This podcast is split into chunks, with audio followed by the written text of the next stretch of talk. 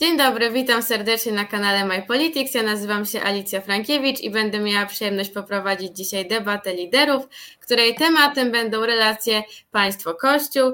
Debata będzie podzielona na cztery segmenty i każdy z uczestników będzie miał dwie minuty na wypowiedź. Każdemu uczestnikowi przysługuje również prawo do wygłoszenia 30-sekundowego ad vocem wobec wypowiedzi kontrdebatanta. A uczestnikami dzisiejszej debaty są Mariusz Jańczuk z pokolenia 2050. Dzień dobry Pani, dzień dobry Państwu. Mateusz Feszler ze Stowarzyszenia dla Polski. Dzień dobry, witam wszystkich. Oraz Piotr Burzawa z Młodych dla Wolności. Dzień dobry. A teraz przejdziemy do części merytorycznej naszej debaty i moje pierwsze pytanie będzie dotyczyć podatków, a dokładnie tego, czy y, polski kościół powinien zostać opodatkowany. I na tak postawione pytanie jako pierwszy odpowie Mariusz. Czy Kościół powinien zostać opodatkowany? Oczywiście. Szymon Hołownia niejednokrotnie wypowiadał się na ten temat.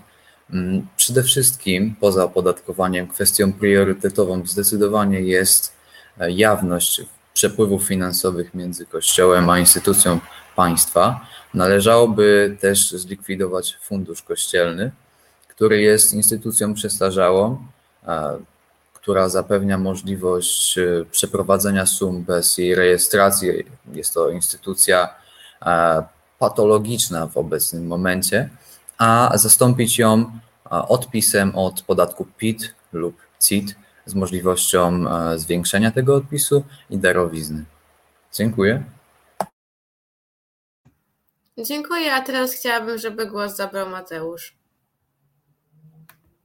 Szanowni Państwo, jeżeli chodzi o podatki w kościele, no to wiadomo, że jakby kościół e, nie ma podatków w kościele, jeżeli chodzi przykład o tacę, tak, czy jeżeli e, chodzi o chrzty, czy śluby. Natomiast e, nieprawdą jest to, że, kościół, że w ogóle kościół nie jest podatkowany i że księża nie płacą podatków, ponieważ podatki płacą. I że jakby wikariusze czy proboszcze płacą te podatki. Ksiądz ma możliwość chyba raz na, bodajże raz na kwartał pisania właśnie takiego, właśnie takiego podatku zapłacenie.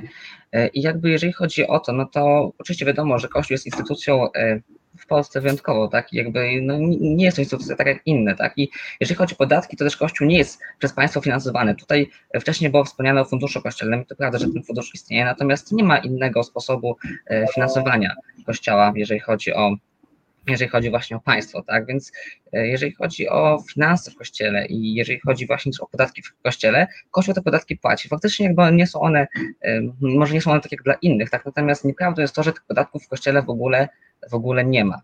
E, jeżeli chodzi natomiast też o, o księży, to też warto też podkreślić to, że księża płacą na przykład składki ZUS. E, no i jakby też właśnie często panuje taka dezinformacja, tak? I też z wielu badań wynika, że Polacy nie wiedzą, e, że księża właśnie te podatki w ogóle płacą i często myślą, że właśnie tych podatków w ogóle, w ogóle nie ma. Więc jeżeli chodzi o to, uważam, że Kościół powinien zostać w taki sposób, jak obecnie jest opodatkowany i jakby też nie można mówić, nie można takiej dezinformacji wprowadzać, że tych podatków e, w Polsce dla księży w ogóle nie ma, bo księża te podatki e, płacą. Dziękuję. Dziękuję i tutaj zostało zgłoszone adwocem Mariusza. To prawda, że na razie nie ma innego sposobu na finansowanie Kościoła przez państwo, jednakowoż dlaczego nie mielibyśmy wprowadzić bardziej nowoczesnego i współczesnego rozwiązania? Dlaczego nie mielibyśmy wprowadzić odpisu z podatku CIT lub PIT? Mateusz, możesz się odnieść? W sensie jakby obecnie nie ma tego tematu w debacie publicznej. Wydaje mi się, że jakby na, na razie e, jakby ten temat w ogóle nie był poruszany i faktycznie można, można jakby ten temat w debacie publicznej poruszyć. Natomiast no obecnie taka sytuacja jest jaka jest. No i też e, no nie można mówić tak, że tutaj państwo w jakiś sposób szczególny tak ten kościół finansuje. E, uważam, że faktycznie ten temat w debacie publicznej możliwe, że powinien się pojawić. Dziękuję. Dziękuję bardzo i ja chciałabym na naszej e, debacie powitać Wacława Jana Kroczka z Federacji Młodych Socjaldemokratów. Witam serdecznie, przepraszam za spóźnienie. Pędzę tutaj prosto z pracy po ostatnim pacjencie. Dobrze, wybaczymy Twoje spóźnienie i tutaj chciałabym powiedzieć, że e, wiadomo, debatujemy na temat relacji państwo-kościół, a te, Pierwsze pytanie dotyczy tego, czy e, polski Kościół katolicki powinien zostać opodatkowany. I teraz chciałabym, żeby do całego pytania odniósł się Piotr. E, szanowni Państwo, ja uważam, że sytuacja, gdy możemy nie płacić podatków, jest sytuacją bardzo dobrą i brak opodatkowania kościoła jest rzeczą dobrą, ale trzeba to rozszerzyć na całość. Trzeba odpodatkować wszystkich Polaków, wszyscy, całe, całe społeczeństwo, dlatego że yy, Dlatego, że podatki nie są rzeczą dobrą. Podatki yy, utrudniają życie ludziom. Księża także księża z racji tego, że nie płacą podatków, są rzeczą bardzo, są rzeczą bardzo dobrą. E, bo w Polsce jest właśnie takie złe myślenie, że jeżeli jest jakieś, jakaś branża, jakieś miejsce, gdzie podatki nie są płacone, e, to trzeba ich opodatkować. Na przykład e, taksówkarze chcieliby, żeby Uber został opodatkowany, inne komunikatory. Nie, nie, nie tędy droga. Należy odpodatkowywać, robić ułatwienia i pozwolić ludziom działać. A jeżeli chodzi o finansowanie ze środków państwa, nie powinno być, być coś takiego, bo sojusz hierarchów Kościoła z państwem kończy się złą rzeczą. Możemy teraz zobaczyć, jak obecna partia uważa się za partię prokatolicką, e, partia rządząca oczywiście, mam na myśli, uważa się za partię prokatolicką i to często zaburza obraz prawdziwego Kościoła, bo ludzi o poglądach popierających PiS jest nie tak dużo, jak może się wydawać. Natomiast Kościołem, czym jest tak naprawdę Kościół? Kościół jest wspólnotą wszystkich ludzi i tak naprawdę każda osoba wierząca jest tym Kościołem.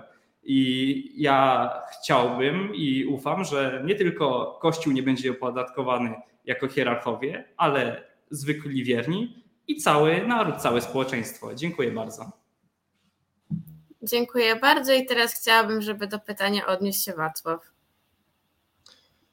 Tak, jeszcze raz przepraszam za moje spóźnienie. Jak przystało na człowieka lewicy, jestem człowiekiem pracy i wracam tutaj bezpośrednio po swojej pracy zawodowej. W kwestii podatków. Mam działalność gospodarczą, wiem dobrze, jakie podatki płacimy. Niemniej jednak nie jestem przeciwnikiem podatków. Podatki to jest to, co zapewnia nam publiczną, państwową służbę zdrowia, darmową edukację, równy poziom i równe szanse. Nie tak dawno byłem na żaglach na Mazurach. Tam jedna z naszych uczestniczek poczuła się źle, bardzo źle. Konieczna była interwencja pogotowia. Za tą interwencję pogotowia nie została pociągnięta, nie zostały od niej wyciągnięte żadne koszty.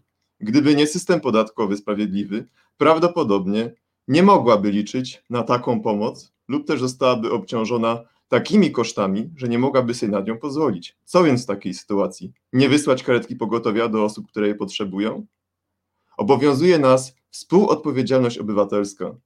Jesteśmy państwem. Państwo to my, państwo to społeczeństwo. A my jesteśmy winni wsparcie tym, którzy są troszeczkę od nas słabsi, którzy potrzebują wsparcia.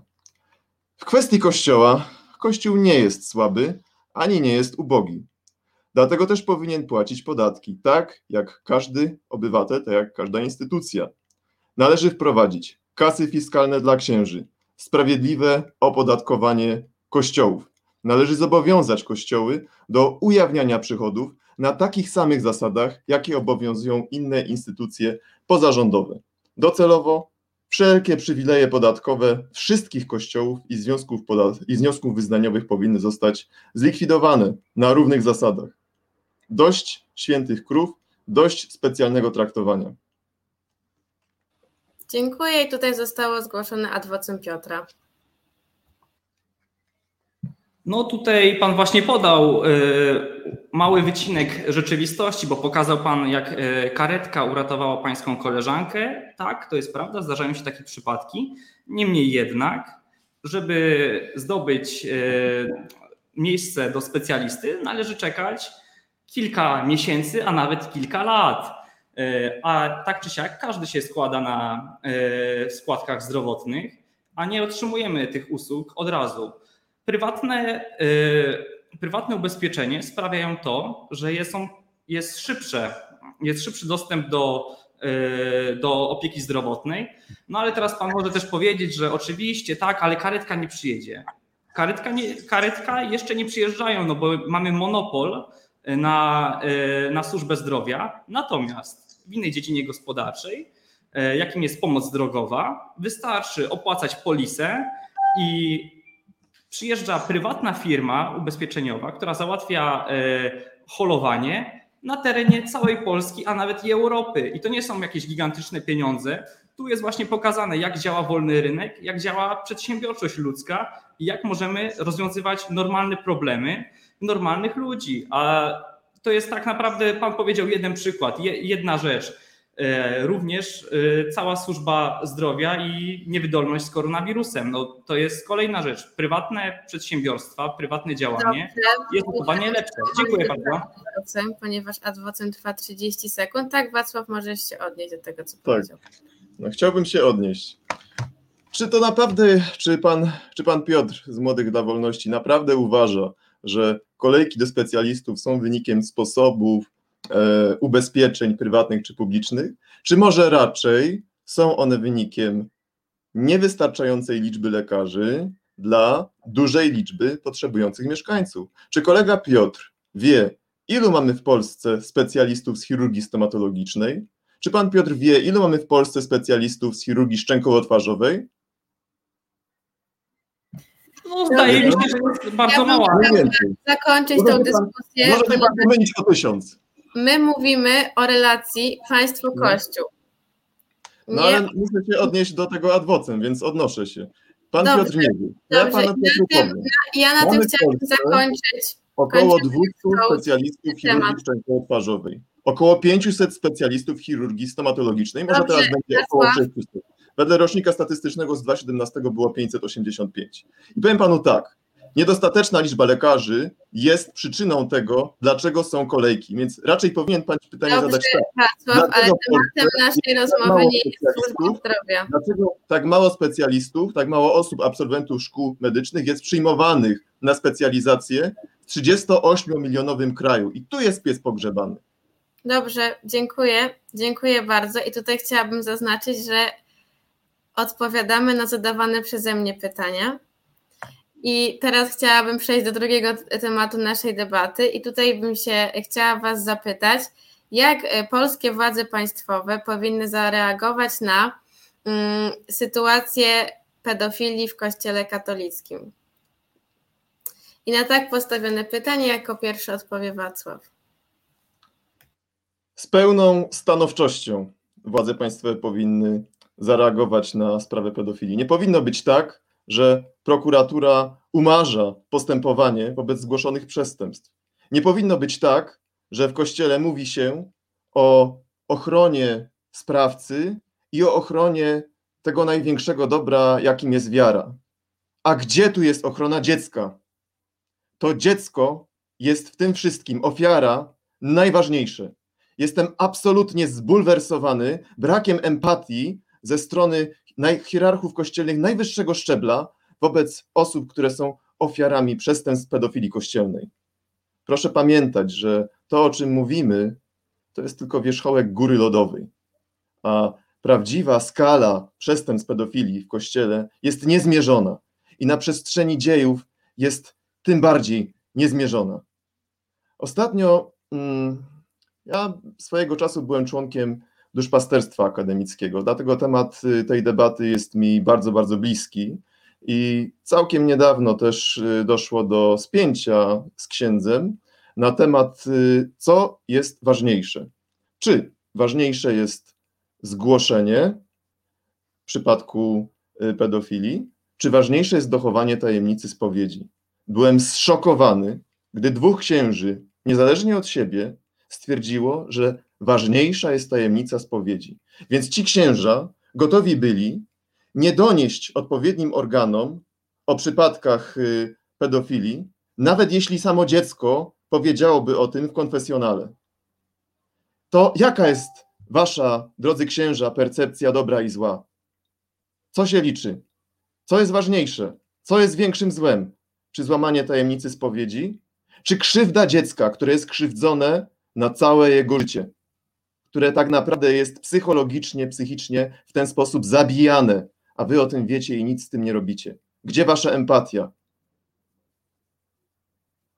I tu nie powinno być żadnej tolerancji dla pedofilii w kościele, a także tajemnica spowiedzi nie powinna umywać rąk przed zgłoszeniem takich przypadków. To chcę bardzo jasno podkreślić. I także organy państwa powinny bezwzględnie takie przypadki ścigać. Dziękuję bardzo i teraz chciałabym, żeby głos zabrał Piotr. Według mnie tak, państwo powinno się tym zająć, ale właśnie też można zobaczyć, jak wychodzi inicjatywa z samego kościoła. Ksiądz e, Isakiewicz-Zalewski od lat o tym mówi, od lat e, prosi o to, aby była przeprowadzona taka interwencja, no ale jakoś obecnemu rządowi to, to nie pasuje. To mm, oczywiście, jeżeli jest dokonywane przestępstwo, należy to zwalczać z pełną stanowczością. I tyle. No, nie ma tu nic więcej, więcej do mówienia. powinny być pokazywane takie, takie przypadki. Powin, Kościół powinien się oczyścić, bo tak naprawdę szkodzi samemu sobie poprzez różnego rodzaju ukrywanie, poprzez, y, również przez te afery. Ludzie odchodzą od Kościoła, a misją Kościoła jest, y, jest zbawienie innych. I jak Kościół nie może głosić y, Ewangelii, jeżeli sam ma jakieś, y, jakieś y, grzechy na swoim sumieniu. Niemniej jednak tych przypadków nie jest tak bardzo dużo, jak może się wydawać. No, w innych grupach społecznych również występują takie przypadki i tam też powinna być przeprowadzona interwencja policyjna i prokuratury. Dziękuję bardzo. Jeden ksiądz Isakowicz-Zaleski nie nastarczy na wszystkie przypadki kościelnej pedofilii. Może nie jest przypadkiem, dlaczego musiał raport Y, zostać przemycony do Jana Pawła II przez Wandę Półtawską, jego osobistą przyjaciółkę, bo było jasne, że legalnymi kanałami ten raport do źródła nawet by nie dotarł. Dobrze, nie bagatelizowałbym skali przestępstw pedofilii w Kościele. Nie Chciałam czas i miejsce. Wręcz przeciwnie. powiedzieć, że adwocem zgłaszamy w odpowiednim miejscu. A teraz chciałabym, żeby na pytanie odpowiedział Mateusz. E, szanowni Państwo, oczywiście problem e, pedofilii w Kościele istnieje i jakby, no niestety jest to bardzo straszne, ponieważ wiadomo, że Kościół jako instytucja właśnie, e, która broni tych najwyższych wartości, tak, ma sama z tym problem i oczywiście jest to jakby, niestety też jest to ludzkie, tak, i jakby wiadomo, że księża niestety są ludźmi i nie wszyscy księża są dobrzy i to jest oczywiste, że no, takie przypadki się pojawiają, co oczywiście jest straszne, jest to straszne przestępstwo. Natomiast nie można mówić, że Kościół z tym nic nie robi, nie można mówić, że władza z tym nic nie robi, ponieważ na przykład powstał rejestr pedofilii, tak, w którym też się między innymi znajdują e, księża, e, bodajże chyba w tym momencie jest to dwóch księży, natomiast jakby wiadomo, że pedofilia jest czymś strasznym, tak, ale też warto mieć na uwadze to, że często księża padają ofiarą właśnie e, zarzutów niesłusznych. Między innymi przed ksiądz Adam Kuszej, to jest taki polski ksiądz, który właśnie jest księdzem chyba w Czechach bodajże. I właśnie też padł ofiarą takiego, takiego pomówienia, tak, przez to wiele lat wiele lat spędził e, w więzieniu i jest wiele takich przypadków, kiedy właśnie księża są niesłusznie o to oskarżani. Oczywiście, e, tak jak mówię i podkreślę to jeszcze raz, to jest bardzo, bardzo zła, e, zła rzecz. Pedofilia jest czymś strasznym i trzeba to zwalczać, trzeba z tym walczyć i Kościół się musi z tego oczyścić. Tak jak mówił mój przedmówca, to jest bardzo ważne, aby Kościół właśnie, ponieważ głosi wiarę, żeby był z tego czysty, natomiast no, nie można mówić, że każdy ksiądz jest pedofilem, że w ogóle Kościół jest organizacją, która chroni tak, tych pedofilów, bo oczywiście wiadomo, że były takie przypadki y, ukrywania, tak, natomiast to nie jest cały Kościół i to, i to trzeba mieć na uwadze. No i też trzeba mieć na uwadze właśnie to, że y, te kary tak, dla pedofilów są zwiększane. Tak? Obecnie też była zapowiedź pana ministra y, Zbigniewa Ziobry, że te kary będą podwyższane i to też dotyczy, dotyczy księży. Tak? I właśnie w tym rejestrze pedofilów też znajdują się księża, i jest to właśnie bardzo ważne, że, że nie jest to pozostawione sam, samemu sobie, tak, że właśnie te przypadki są zgłaszane, też są zgłaszane do kościoła i też kościół sam je e, między innymi e, rozpatrza, więc no, tak jak powiem jeszcze raz, jest to bardzo e, ciężka sprawa, bardzo poważna sprawa, kościół się musi z tego oczyścić, ale ważne jest to, aby, ważne jest to, że nie każdy ksiądz jest pedofilem i nie każda osoba związana z kościołem jakby tą pedofilię, pedofilię chroni. Dziękuję. Marta to pociecha stwierdzenie, że nie każdy jest pedofilem dla tych dzieci, które już zostały skrzywdzone, których życie już jest zniszczone na lata. Przepraszam. Dziękuję i tutaj zwracam uwagę, że adwocem jest zgłaszane zanim się otrzyma prawo głosu. Dziękuję i teraz chciałabym, żeby głos zabrał Mariusz. Tak więc ja też chciałbym e, zgłosić adwocem. Podczas mojej wypowiedzi na początku chciałbym się odnieść do słów mojego przedmówcy. e, szczególnie do działań podjętych przez Ministerstwo Sprawiedliwości, które rzekomo mają zaradzić sprawie bardzo przykrej, bo pedofilii e, w kościele. Zwiększanie kar nie prowadzi do zmniejszenia przestępczości i nie prowadzi do zwiększonego przestrzegania przepisów. Do tego prowadzi udoskonalenie narzędzi ścigania. Ale przechodząc do tematu. Pedofilia w kościele jest nie tyle rażąca ze względu na skalę, co na rodzaj tego zjawiska. Jak kapłani, duchowni, ludzie, którzy powinni być czystsi od nas, którzy powinni być dla nas wzorem, mogą nim dalej być, gdy słyszymy o przypadkach pedofilii w kościele. Jest to naprawdę tragiczna sprawa i tajemnica spowiedzi, tak jak mówili moi przedmówcy, nie jest rzeczą nadrzędną, należy to zaznaczyć po raz kolejny, nad prawem, prawem funkcjonującym w państwie. Ukrywanie przykładów pedofilii w kościele nie sprawi, że Kościół straci mniej, przeciwnie, straci więcej, ponieważ każdy przykład pedofilii w kościele w końcu, prędzej czy później, będzie znaleziony, wytropiony i napiętnowany. I zdecydowanie lepiej jest pogodzić się z faktem, iż takie zjawiska mają teraz miejsce i próbować im zaradzić, niż ukrywać, udawać, że nic się nie dzieje. Właśnie w tym celu należy zdecydowanie zlecić Komisji do Spraw Pedofilii sporządzenie spisu, porządnego spisu analizy policzenia ilości pedofilii w Kościele, co będzie podstawą do powołania grupy prokuratorów zajmujących się wyłącznie pedofilią w Kościele, ponieważ jest to wyjątkowo trudne do rozwiązania zjawisko, przykryte systemowym tuszowaniem spraw wśród znajomych w Kościele, wśród znajomych winowajców, którzy myślą w ten sam sposób, by tuszować to, co prędzej czy później wyjdzie. Taka komisja jest priorytetowa i musi powstać jak najszybciej. Dziękuję. I tutaj zostało zgłoszone adwocem Mateusza. E, tak, ja chciałem zapytać w takim razie, czy jakby e, uważasz, e, Mariusz, że, że, że tak, jeżeli mogę po imieniu, że w takim razie zwiększanie tych kar jest złe dla pedofilów, tak? No bo jakby rozumiem, że jesteś przeciwny zwiększania tym karom, to po pierwsze, a po drugie jakby nie rozumiem, dlaczego kolejna osoba już mówi o tym, że tajemnica spowiedzi jest, jakim, jest jakąś przeszkodą do zgłaszania E, tych właśnie e, pedofilii w kościele, ponieważ no, jakby mamy też organy ścigania, tak? Jakby nie wiem, czy znają Państwo jakąkolwiek sytuację, że ksiądz tą e, właśnie w tajemnicy spowiedzi ukrywał taką sytuację właśnie taki czyn pedofilski, który oczywiście jest, jeszcze raz powtarzam, bardzo, bardzo zły i nie powinien mieć nigdy miejsca. Na to do komisji, no to komisja powstała, funkcjonuje, no i nawet właśnie raport został wydany ostatnio, więc każdy też może go przeczytać. Komisja ogólnie odnośnie pedofilii ogólnie. Dziękuję. Ja bym chciał zgłosić adwocem.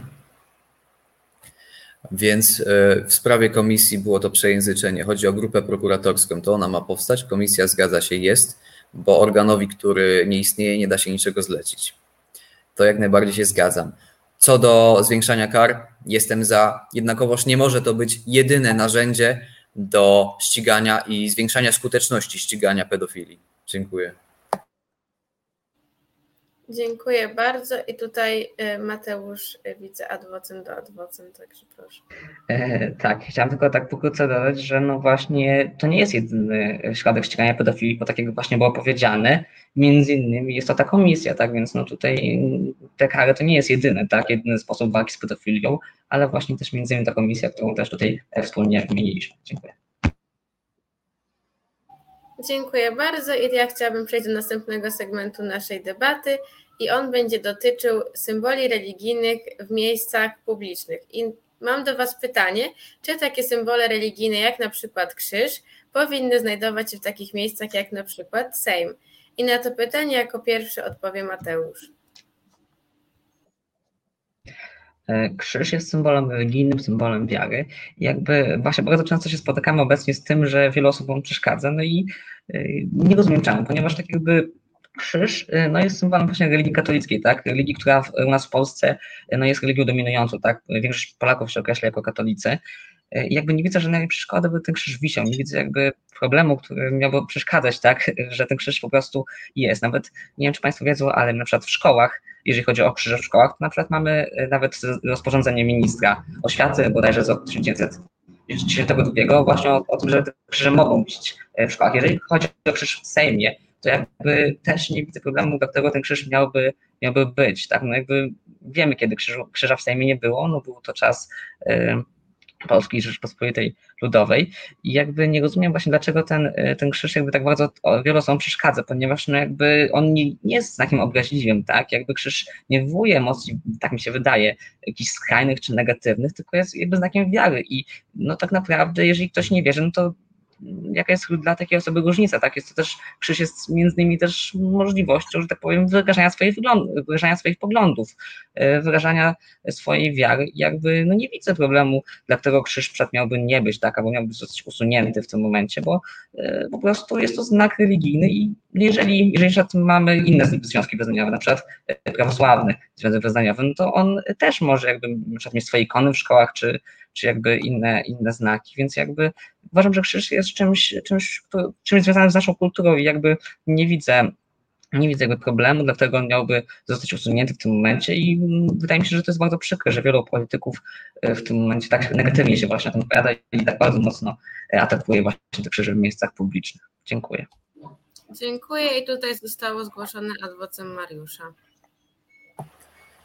Porównywanie sytuacji, w której nie ma krzyża w Sejmie, wyłącznie do sytuacji, jaka miała miejsce w erze komunistycznej w polskiej historii, jest po prostu manipulacją, graniem na emocjach związanych z tą epoką, bardzo dla nas niekorzystną.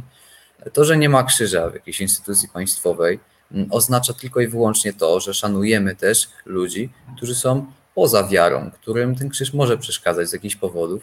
Niekoniecznie przeszkadza, ale jest to symbol naszej dobrej myśli, o tym, że tego, że mamy innych również w, myślimy o innych i nie chcemy obrażać ich uczuć religijnych.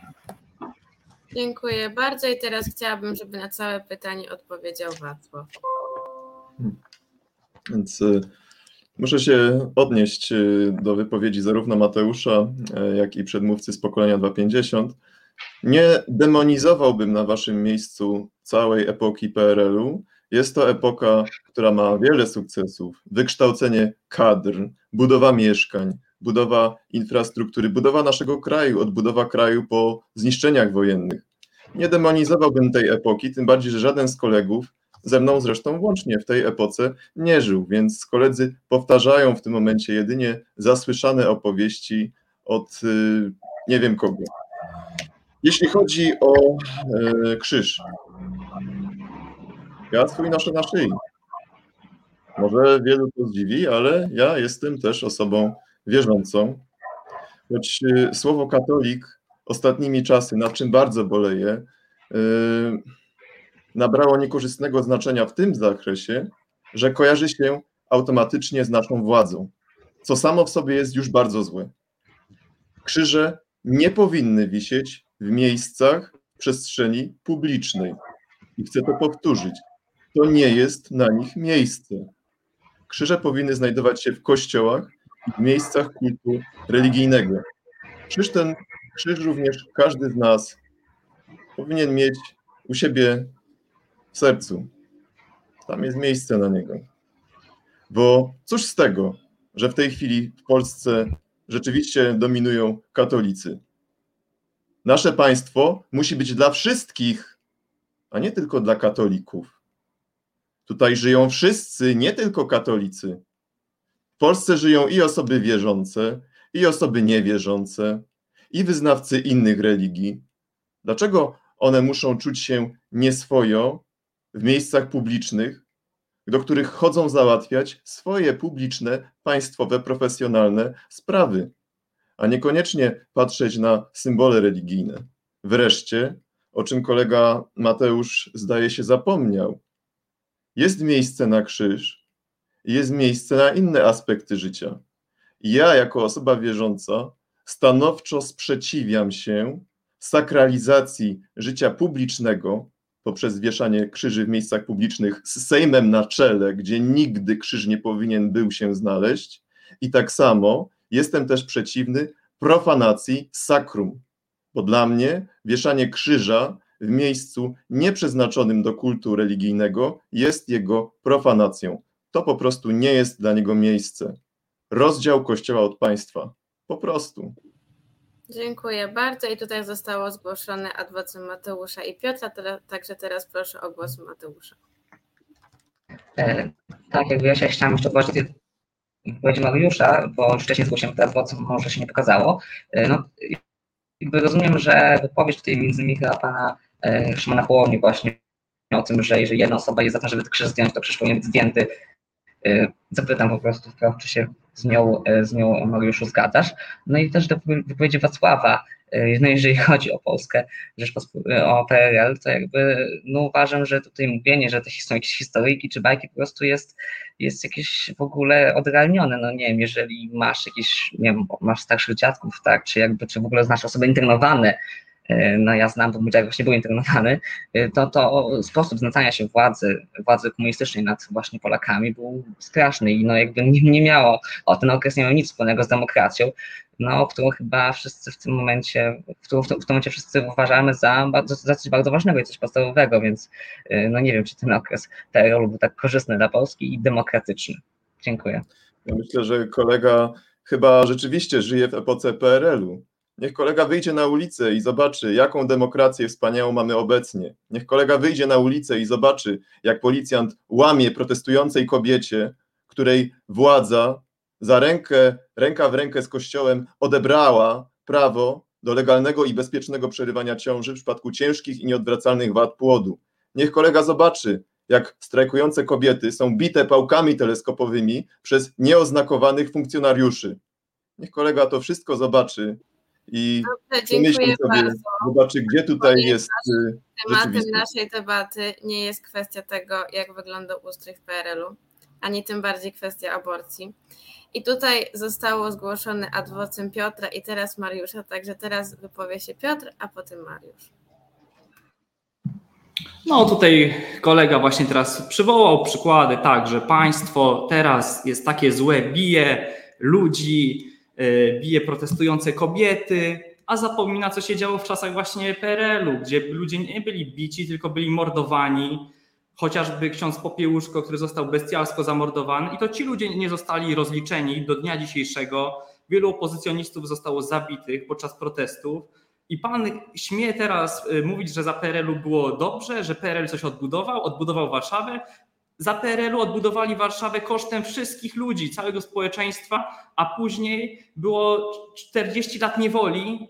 Ludzie nie mogli posiadać własnych firm, nie mieli własności prywatnej, nie mieli własnej godności. Wiadomo, obecnie system też nie jest idealny i nie podoba mi się to, co się dzieje, to, co wyprawia policja. Oczywiście jest dużo nadużyć. Ludzie nie mieli własności prywatnej w PRL-u? Dobrze, tutaj dalej no, zmierzamy. Myślę, że kolega tutaj popełnił wielkie, wielkie popa. Ja chciałabym znowu przypomnieć, że tematem naszej debaty nie jest ustrój Polskiej Rzeczpospolitej Ludowej. I teraz chciałabym oddać głos Mariuszowi. Odnosząc się do wypowiedzi Mateusza, tak, jeśli jedna osoba w Sejmie nie życzy sobie krzyża w Sejmie, to czemu mielibyśmy ją do tego zmuszać? Nie liczy się ilość osób, która jest za tym rozwiązaniem i ogólnie nie powinniśmy sprowadzać wszystkiego do większości, a powinniśmy dbać w miarę możliwości o wszystkich. Od krzyży jest Kościół, tam znajdują się krzyże i tak jak mówił Wacław, tam jest miejsce Kościoła, a poza Kościołem jest to profanacja krzyża. Dziękuję. Dziękuję bardzo i tutaj Mateuszowi oddaję głos. Krótki adwokat. Tak, to ja tylko tak bardzo krótko, żeby już tutaj tego tematu nie kontynuować. E, wczoraj odbyły się protesty, czy ktoś został spałowany, e, no wiadomo w jakiej sprawie, czy ktoś został pobity, no nie słyszałem o takich przypadkach. Natomiast jeżeli chodzi o, o jeżeli pan Mariusza, no dobrze, no jakby to nie jest demokracja, tak? No jeżeli jedna osoba, jakby ja rozumiem szanowanie mniejszości. Słyszał tak, kolega o przypadku z pobicia ze skutkiem śmiertelnym. Proszę mi nie przerywać, jeżeli, proszę mi nie przerywać, jeżeli jest taka możliwość. Teraz mówię do Mariusza, no jakby rozumiem, że szanujemy wszystkich, tak, i jakby jest, też za tym jestem, natomiast jakby no też co, tak jak mówiłem, co krzyż przeszkadza i jakby czy jeżeli właśnie jedna osoba mówi, żeby tego krzyża nie było, no to, czy to jest demokracja, jeżeli wtedy mam krzyż zdjąć? Nie, dziękuję. Dziękuję bardzo. I teraz mam pytanie do Mariusza. Czy on by się jeszcze chciał odnieść do całego pytania odnośnie? Tak, bardzo krótko. Jest to demokracja z poszanowaniem zasad mniejszości. O niektórych rzeczach decyduje większość, o niektórych rzeczach decyduje jedna osoba, grupa mniejszych interesów. Dziękuję. Dziękuję bardzo. I teraz chciałabym, żeby do całego pytania, a tutaj Przypominam, że rozmawiamy o kwestii symboli religijnych w miejscach publicznych. Odniósł się Piotr. Problematyczność e, symboli religijnych e, w państwowych urzędach, miejscach jest o tyle, e, jest o tyle ciężka do rozwiązania, gdyż co to jest państwo? Państwo no jest, jest to aparat opresji, jest to miejsce, gdzie każdy z nas jest. I tak jak już tu wcześniej wspominały poprzednie osoby, że że, że chociażby jak, jakby jedna osoba chciała ściągnąć krzyż, no to należy, należy to zrobić. No według mnie to nie jest demokracja, mimo że nie popieram tego ustroju. Niemniej jednak jesteśmy postawieni w takiej sytuacji, że według mnie o czymś takim powinien decydować chociażby dyrektor szkoły, yy, dyrektor innych yy, urzędów, czy będzie taki symbol, czy nie a chociażby w Sejmie czy w Senacie powinien tym zajmować się marszałek, marszałek Sejmu. No, też nie rozumiem takiego dużego oburzenia. Symbol to tylko symbol. E, dla ludzi wierzących jest to rzecz święta, dla ludzi niewierzących są tylko dwa, dwa patyki i tyle. I aż mnie to dziwi, że niektóre osoby dostają takiego jazgotu na widok, e, na widok krzyża. No to jest też nieco podejrzana sprawa, tak już żartobliwie mówiąc Niemniej jednak według mnie powinien decydować o tym marszałek, czy y, krzyż będzie, czy nie. Jednak, jak to mówi Pismo Święte, po, po owocach ich poznacie. Dziękuję. Dziękuję bardzo i chciałabym przejść do ostatniego segmentu naszej debaty i tutaj chciałabym, żebyście w pewien sposób ocenili, jak tutaj takim bardziej e, szerszym okiem ocenili, jak e, po 2015 roku, czyli po przejęciu władzy przez Zjednoczoną Prawicę, zmieniły się relacje a propos państwa i kościoła i czy według Was te zmiany, które nastąpiły są pozytywne bądź negatywne? I jako pierwszy odpowie Wacław. Zmiany, które nastąpiły po 2015 roku są oczywiście negatywne, ale nie są one wiele różniące się od tego, co było wcześniej, ponieważ już wcześniej zarządów PO i PSL widzieliśmy obrazki takie jak udział hierarchów kościelnych Kościoła katolickiego na uroczystościach państwowych. Już wtedy sytuacja uregulowania relacji państwo-kościół y, pozostawiała bardzo, bardzo wiele do życzenia. Dość powiedzieć, że kiedy głosowano nad konkordatem w 1998 roku, jedynie SLD zagłosowało przeciwko uchwaleniu temu konkordatowi. Nie jest y, sytuacją korzystną taka, w której oddzielne państwo, czyli Watykan, ma tak wielkie wpływy w innym państwie, to jest w Polsce. Przeciwko temu, mm, a także przeciwko przelewom publicznej kasy dla tak zwanych dzieł ojca ryzyka, sprzeciwiamy się z pełną stanowczością. Jest jeszcze coś, o czym warto wspomnieć. To jest y, jedna gazeta, mam tu sobie akurat numer, Gość Niedzielny.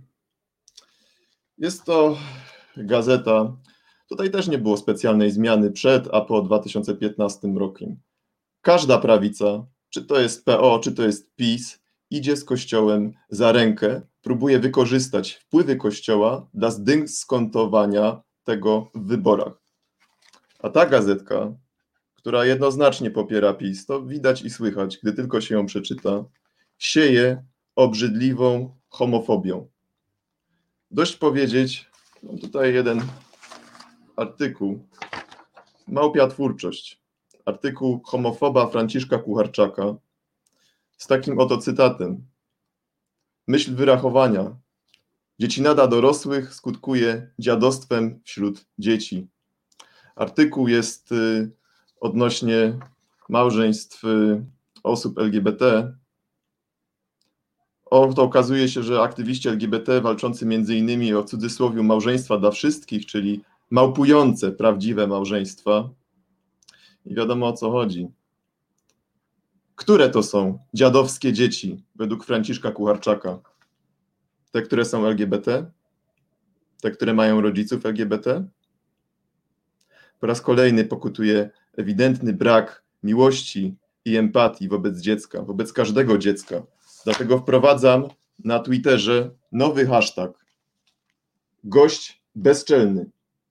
Będę wszelkie przejawy homofobii i nienawiści, które pojawiają się w gościu niedzielnym, który jest niestety najwięk, naj, najbardziej poczytnym tygodnikiem opiniotwórczym w Polsce, a to dlatego, że jest w kościołach kolportowany i zalecany wiernym podczas niedzielnych mszy do kupowania, będę zgłaszał na swoim Twitterze pod tym hashtagiem. Gość bezczelny.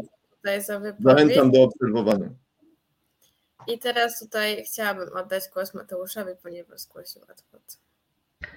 E, tak, ja chciałam zapytać tutaj Wacława, jakie, jakie wpływy ma e, no, na podstawie konkordatu, tak, który przywołałeś, jakie wpływy ma Watykan na państwo polskie, to po pierwsze, a po drugie, no, jeżeli chodzi o gościa niedzielnego, to jest gazeta, jakby tak jak inne gazety pisze co nie artykuły, no i jakby, no nie wiem, no, jeżeli chodzi o tą gazetę, to jest ona ma, ma, ma profil konserwatywny, jeżeli byś wziął Newsweeka, no wtedy byś miał profil lewicowy, tak, więc jakby y, jesteś, jesteś za brakiem wolności słowa, jakby to takie moje pytanie. Ja myślę, że ja myślę, że redaktor Tomasz Lis by się na pana bardzo obraził, gdyby usłyszał pana wypowiedź o Newsweeku jako gazecie, która ma profil lewicowy. Tomasz Lis y, jest znany z wielu rzeczy, ale akurat nie z przesadnej miłości wobec szeroko rozumianej lewicy w Polsce.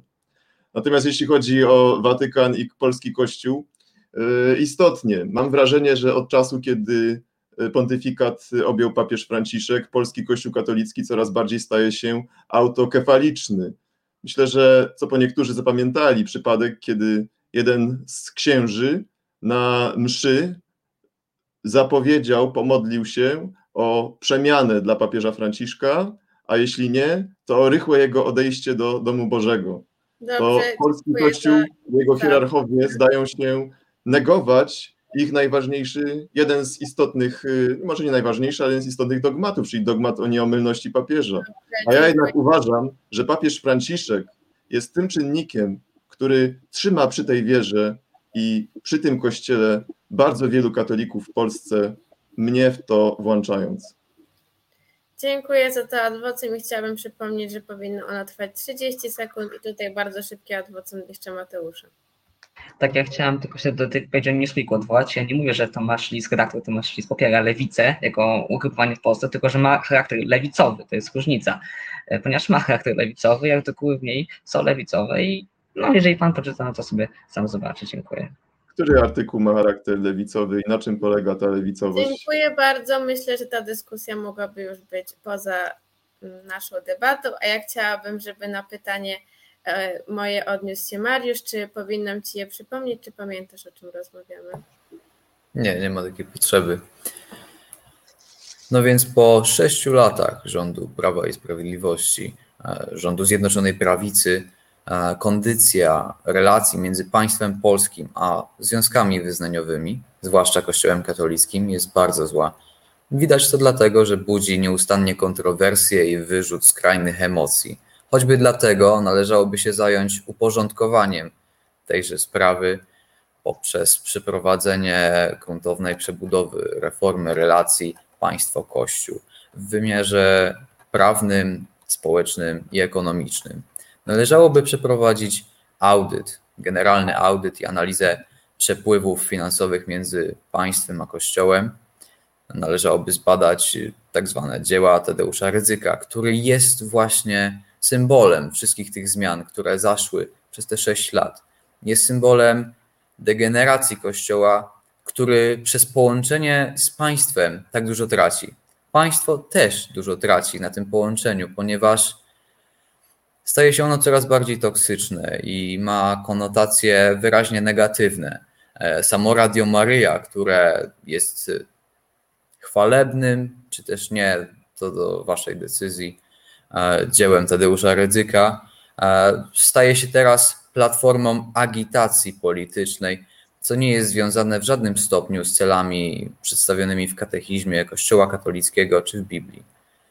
Także należałoby pozbyć się tego wszystkiego, przeprowadzić audyt, zdecydowanie skoncentrować się na poprawie stanu finansowego tej współpracy i rozdzielić państwo od Kościoła. Dobrze, tutaj jest adwocem Wacława, tylko przypominam, że trwa ono 30 sekund. Tak. Panie Mariuszu, zgadzam się z bardzo wieloma tezami, które pan Mariusz wypowiedział.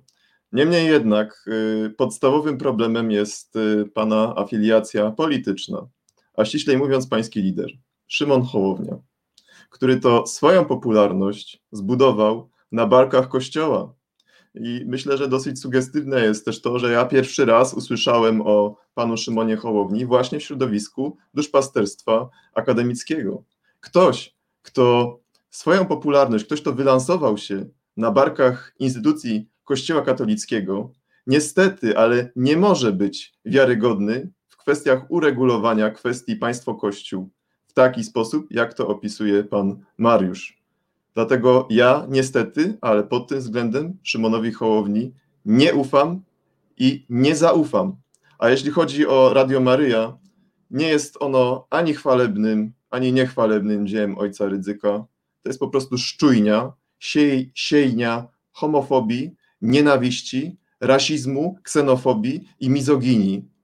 I powinna zostać zamknięta dla zdrowia psychicznego i dla poprawnych relacji między naszym społeczeństwem.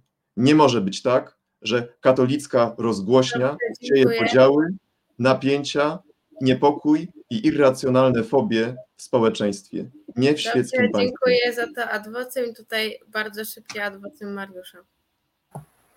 Nie wiem dlaczego Szymon Hołownia nie miałby być autorytetem w sprawie uporządkowywania relacji państwo-kościół, skoro ma doświadczenie w tym zakresie. To tak jakby powiedzieć, że rolnik nie może być ministrem rolnictwa, ponieważ będzie zawsze popierał bardziej rolników niż zrównoważenie budżetu w tej kwestii. Ja myślę jednak, że tutaj, pan Hołownia był już chyba w swoim życiu wszystkim. Był i publicystą katolickim, był i prezenterem TVN-u, był e, i dwa razy zdążył być w nowicjacie i teraz nagle wymyślił, że może być politykiem. No jednak nie, jednak nie. Jednak, żeby być politykiem, ja chyba tym politykiem stać, trzeba przejść pewną drogę. Trzeba przejść przez drogę przedsięwzięcia, by zyskać wiarygodność, której panu tak, Szymonowi niestety, ale brakuje. Dziękuję Wacław. I teraz chciałabym, żeby do całego pytania odniósł się Mateusz. E, tak, jeżeli chodzi o relacje państwo-kościół, to ja tutaj przypomnę, bo chyba kilka osób się zapomniało, że Polska jest państwem świeckim i według konkordatu jest państwem świeckim i takim państwem jest to, że e, politycy partii rządzącej, tak, czy partii, która rządziła jeszcze przed, przed Prawem Sprawiedliwością, są na uroczystościach religijnych, to wynika tylko z ich woli. Też nie wiem, czy Państwo wiedzą, no ale wiele świąt mamy połączonych ze świętami religijnymi, świąt państwowych. Między innymi data 15 sierpnia, która już niedługo, to jest taki bardzo dobry przykład właśnie połączenia święta religijnego ze świętem państwowym. Jeżeli chodzi o zmiany, bo takie było pytanie, zmiany, które zaszły po 15 roku właśnie w relacjach państwo-kościół, to uważam, że nie są one zbyt duże. Jakby państwo właśnie jest państwem świeckim, tak? Jakby nie jest prawdą to, że rząd jakoś, że tak to nazwę, promuje Kościół specjalnie, czy, czy, że, czy że tak powiem, nie wiem, jakoś Kościół na piedestał wypada, bo też równie dobrze możemy powiedzieć, że na przykład e, Hanna Gronkiewicz-Waltz, czyli była prezydent Warszawy, miała też bardzo dobre relacje z hierarchami e, kościelnymi w Warszawie, więc jakby tutaj uważam, że takie, takie właśnie mówienie, że tutaj coś się zmieniło, że obecnie po prostu Kościół jest, jest, jakimś, jest na jakimś piedestale, no to, to nie jest to po prostu prawda. To, że partia rządząca, która ma profil konserwatywny, jakby, że tak to nazwę, opiera swoją, że tak, że tak powiem, ideologię, tak, że opiera swoje działania na wartościach, które są w Kościele, to jest inna sprawa, to nie znaczy, że, że państwo jest państwem wyznaniowym, no bo tak nie jest po prostu, w Polsce nie ma przymusu wyznawania religii katolickiej. Polska jest państwem całkowicie światopoglądowo obojętnym i tak, tak, tak było, tak jest od konkordatu i tak, tak też mi się wydaje, że pozostanie, więc nie uważam, żeby to był duży problem, no a co do jeszcze gościa niedzielnego, tak, czy Radia Maryja, tutaj no widzę, że, że cały czas jednak jesteśmy za tym, aby tą wolność słowa ucinać. E, no bo, no bo to właśnie chyba na tym, na tym polega, na tym polega tutaj to, co mówił pan e, Wacław. Dziękuję. Dziękuję. Tutaj bardzo szybki adwocem Mariusza. Nie wiem, czy chwalenie się dobrymi relacjami obecnego rządu z instytucją Kościoła jest słuszne, zważywszy na sposób e, uformowania tych relacji, co zostało dane, by te relacje utrzymać w dobrym guście i, i by były jak najbardziej ciepłe. Mateusz, tutaj proszę. Jakby nie, nie powiedziałem, że te racje są szczególnie dobre. Powiedziałem, że, powiedziałem, przepraszam, proszę mi nie przerywać. E, powiedziałam tylko, że, że partia rządząca ma pogląd konserwatywny, więc opiera swoją, swoje działania na wartościach katolickich, tak? Jeżeli, jeżeli chodzi o to. Natomiast nie powiedziałam, że partia rządząca ma jakieś szczególne relacje z Kościołem. No i też tutaj właśnie e, no, Szymon Hołownia między innymi był tak przecież w Kościele bardzo blisko, pisał wiele książek religijnych. No i jakby to może tutaj właśnie bardziej w tą stronę powinniśmy patrzeć, że okej, okay, w takim razie skoro on, on był, był tą osobą taką wierzącą, tak? Pisał tyle książek właśnie na rekolekcji, no to właśnie może tutaj, tutaj jest jakiś problem. Dziękuję. Dziękuję bardzo i tutaj chciałabym, żeby do całego pytania odniósł się Piotr. E, takie małe sprostowanie. Papież jest nieomylny tylko w kwestiach. No wszystko myślę, że profil konserwatywny nie powinien zakładać ani homofobii. Ale teraz na pytanie odpowiada Piotr. Szanowny panie, no nie możemy tak w ten sposób. E, dobrze, mam głos, tak? E, szanowni Państwo, e, Kościół katolicki e, może prowadzić, księża prowadzą działalności. Wyrzucanie Kościoła z debaty publicznej jest to zaburzenie autorytetu Kościoła. Pewnego rodzaju dotacje, tak, tu się zgodzę, granty, przepływ pieniędzy też jest złą rzeczą, gdyż zaburza naturalne struktury rynkowe i społeczne. Zaburza autorytet Kościoła, gdyż Kościół wtedy yy, może odczuwać w jakikolwiek sposób, nie, nie mówię Kościół yy, cały, lecz konkretni księża, konkretni ci, którzy otrzymali te oto fundusze. Ale natomiast to, co wcześniej było mówione, że wyrzucanie Kościoła, wyrzucanie gazet katolickich, wyrzucanie telewizji katolickiej, no jest rzeczą naprawdę śmieszną i złą. No to jest e, rzecz, to jest interwencja państwa bardzo, w bardzo złym tego słowa znaczeniu i bardzo złym obrazie, no bo dojdźmy do tego, że dojdzie jakaś inna partia e, do władzy i będą zakazywali jednej rzeczy, drugiej rzeczy, trzeciej, czwartej, bo to akurat mi się nie podoba. Nie. Do debaty publicznej może przystąpić każdy, każda osoba, ale granty dla Kościoła zaburzają autorytet Kościoła finansowanie rodzin w postaci 500 plus zaburzają autorytet ojca i rodziny. I właśnie kto jest największym wrogiem? Nie jest wrogiem Kościół, lecz państwo. Państwo, które wchodzi wszędzie z butami i, i wchodzi, chce wejść w każdą dziedzinę społeczną. Wchodzi po pierwsze od rodziny do kościół, przez sport i inne, inne rzeczy.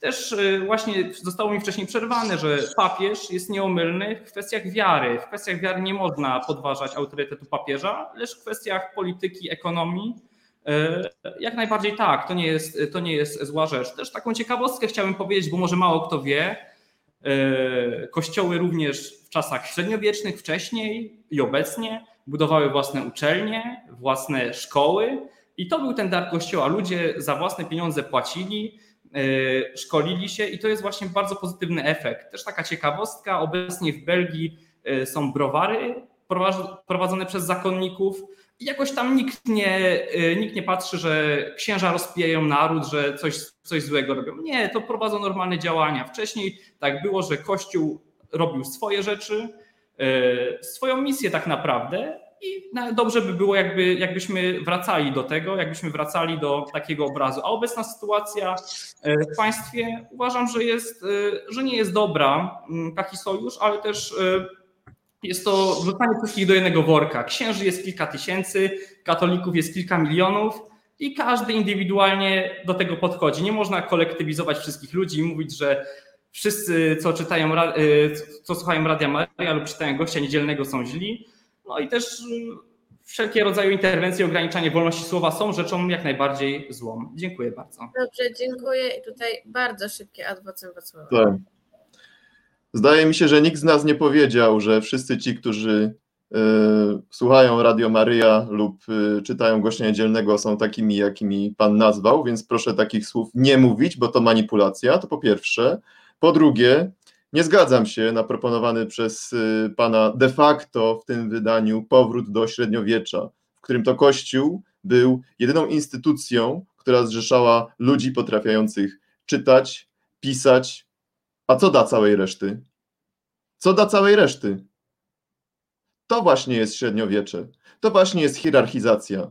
To właśnie jest poddaństwo kobiet wobec mężczyzn, uniemożliwienie ludziom awansu społecznego, uniemożliwienie ludziom spełniania ich marzeń. Ja na powrót do średniowiecza się nie godzę. Nie ma szans, nie ma bata. Jak wam się wydaje, że coś takiego byłoby dobre i że coś takiego byłoby możliwe, to zejdźcie na ziemię, państwo drodzy. I jeszcze jedna rzecz. Kiedy według pana państwo ma nie ingerować w rodzinę? A może wtedy, kiedy dzieje się przemoc? Kilka pięter wyżej, albo kilka pięter niżej. Może wtedy, kiedy kolejne dziecko pada ofiarą pedofilii, czy to jest ze strony władzy kościelnej, czy to ze strony własnego ojca, bo tak też niestety często się zdarza. Państwo to społeczeństwo, a społeczeństwo to my i my musimy ze złem walczyć. Czy to zło jest w państwie świeckim, czy to zło jest w kościele. I lewica zawsze przeciwko temu złu będzie się odpowiadać. Dziękuję. I tutaj bardzo szybkie adwocem Piotra. No ja rozumiem, że pan y, wiedzę o średniowieczu czerpie właśnie z Netflixa i różnych popularnych y, seriali internetowych. Tak, y, podczas średniowiecza ludziom się żyło bardzo źle, wszyscy umierali. Prawda jest taka, że podczas średniowiecza wolność osobista ludzi była, dość, była bardzo duża. Co może pan nie wie, chłopi, którzy pracowali u pana na roli, jeżeli, dziec, jeżeli córka któregoś z chłopów została molestowana przez pana, cała wioska mogła odejść i iść gdzieś indziej do pracy. Również Kościół katolicki wtedy, również Kościół katolicki, proszę, proszę mi nie przerywać, gwarantował 52 niedziele wolne od pracy oraz 60 dni wolnych od pracy poprzez różnego rodzaju święta. I proszę nie demonizować średniowiecza w taki sposób, gdyż jest to bardzo demonizowane. Jest to demonizowane właśnie przez lewicowych ideologów, którzy wiedzę ze średniowiecza czerpali z Rosji carskiej, gdyż tam było zupełnie inaczej, był zupełnie inny obraz. Europa to była Europa tysiąc Dobrze, tak. ja tutaj chciałabym Niech pan poczyta o pańszczyźnie, taki termin, pańszczyzna. Polecam lekturę dla pana. Dobrze. Tak, ja polecam panu y, dowiedzieć się, że y, w Polsce w średniowieczu wasal mojego wasala nie był moim wasalem i ludzie po odrobieniu ja pańszczyzny co styczeń mogli zmienić. Tematem naszej debaty nie jest w żaden sposób średniowiecze, dlatego chciałabym zakończyć tę dyskusję. Jeszcze w jedną rzecz muszę się odnieść. To jest bardzo istotne, bo kolega tutaj pił do mojej poprzedniej bardzo krótko. Kolega pije do mojej poprzedniej debaty ze swoim guru politycznym, czyli panem Januszem Korwinem-Mikke. Ja powiem tak, nie trzeba oglądać Netflixa, by wiedzieć, że monarchia, ustrój średniowieczny to nie jest spełnienie utopijnych marzeń. I być może panu Korwinowi Mikke wydaje się, że w monarchii byłby sam samym wielkim wezyrem, który miałby wpływ na władcę, a może sam tym władcą by się stał ale prawda jest taka, że na dworach monarchistycznych rządziły skrytobójstwo, intrygi, skandale. I właśnie po to mamy demokrację. Tron, dokładnie tak jak pan mówi. Mógł kontrolować rządzących w razie czego, gdy ci rządzący są źli, mógł ich zmienić. I cieszę się, że nie żyjemy w państwie, w którym królem lub wielkim wezyrem jest pan Ola Boga Janusz Korwin-Mikke. Dobrze, dziękuję. Dziękuję. Ja tutaj, tutaj już kończymy kwestię średniowiecza. Nie, nie, nie, kon, nie kontynuujemy tego. Jeżeli chodzi o kwestię średniowiecza czy Polskiej Rzeczpospolitej Ludowej, proszę tutaj się do mnie zwracać. Ja przygotuję następną debatę tylko i wyłącznie w tym temacie. My dzisiaj dyskutujemy o relacji państwa-kościół, a w sumie już kończymy tą dyskusję, ponieważ nasza debata już dobiega końca. I ja tutaj chciałabym Wam serdecznie podziękować. Mam nadzieję, że do zobaczenia jeszcze w następnym programie i dziękuję za taką emocjonującą dyskusję. Jeśli panu Gondeckiemu nie, nie podobało się to, co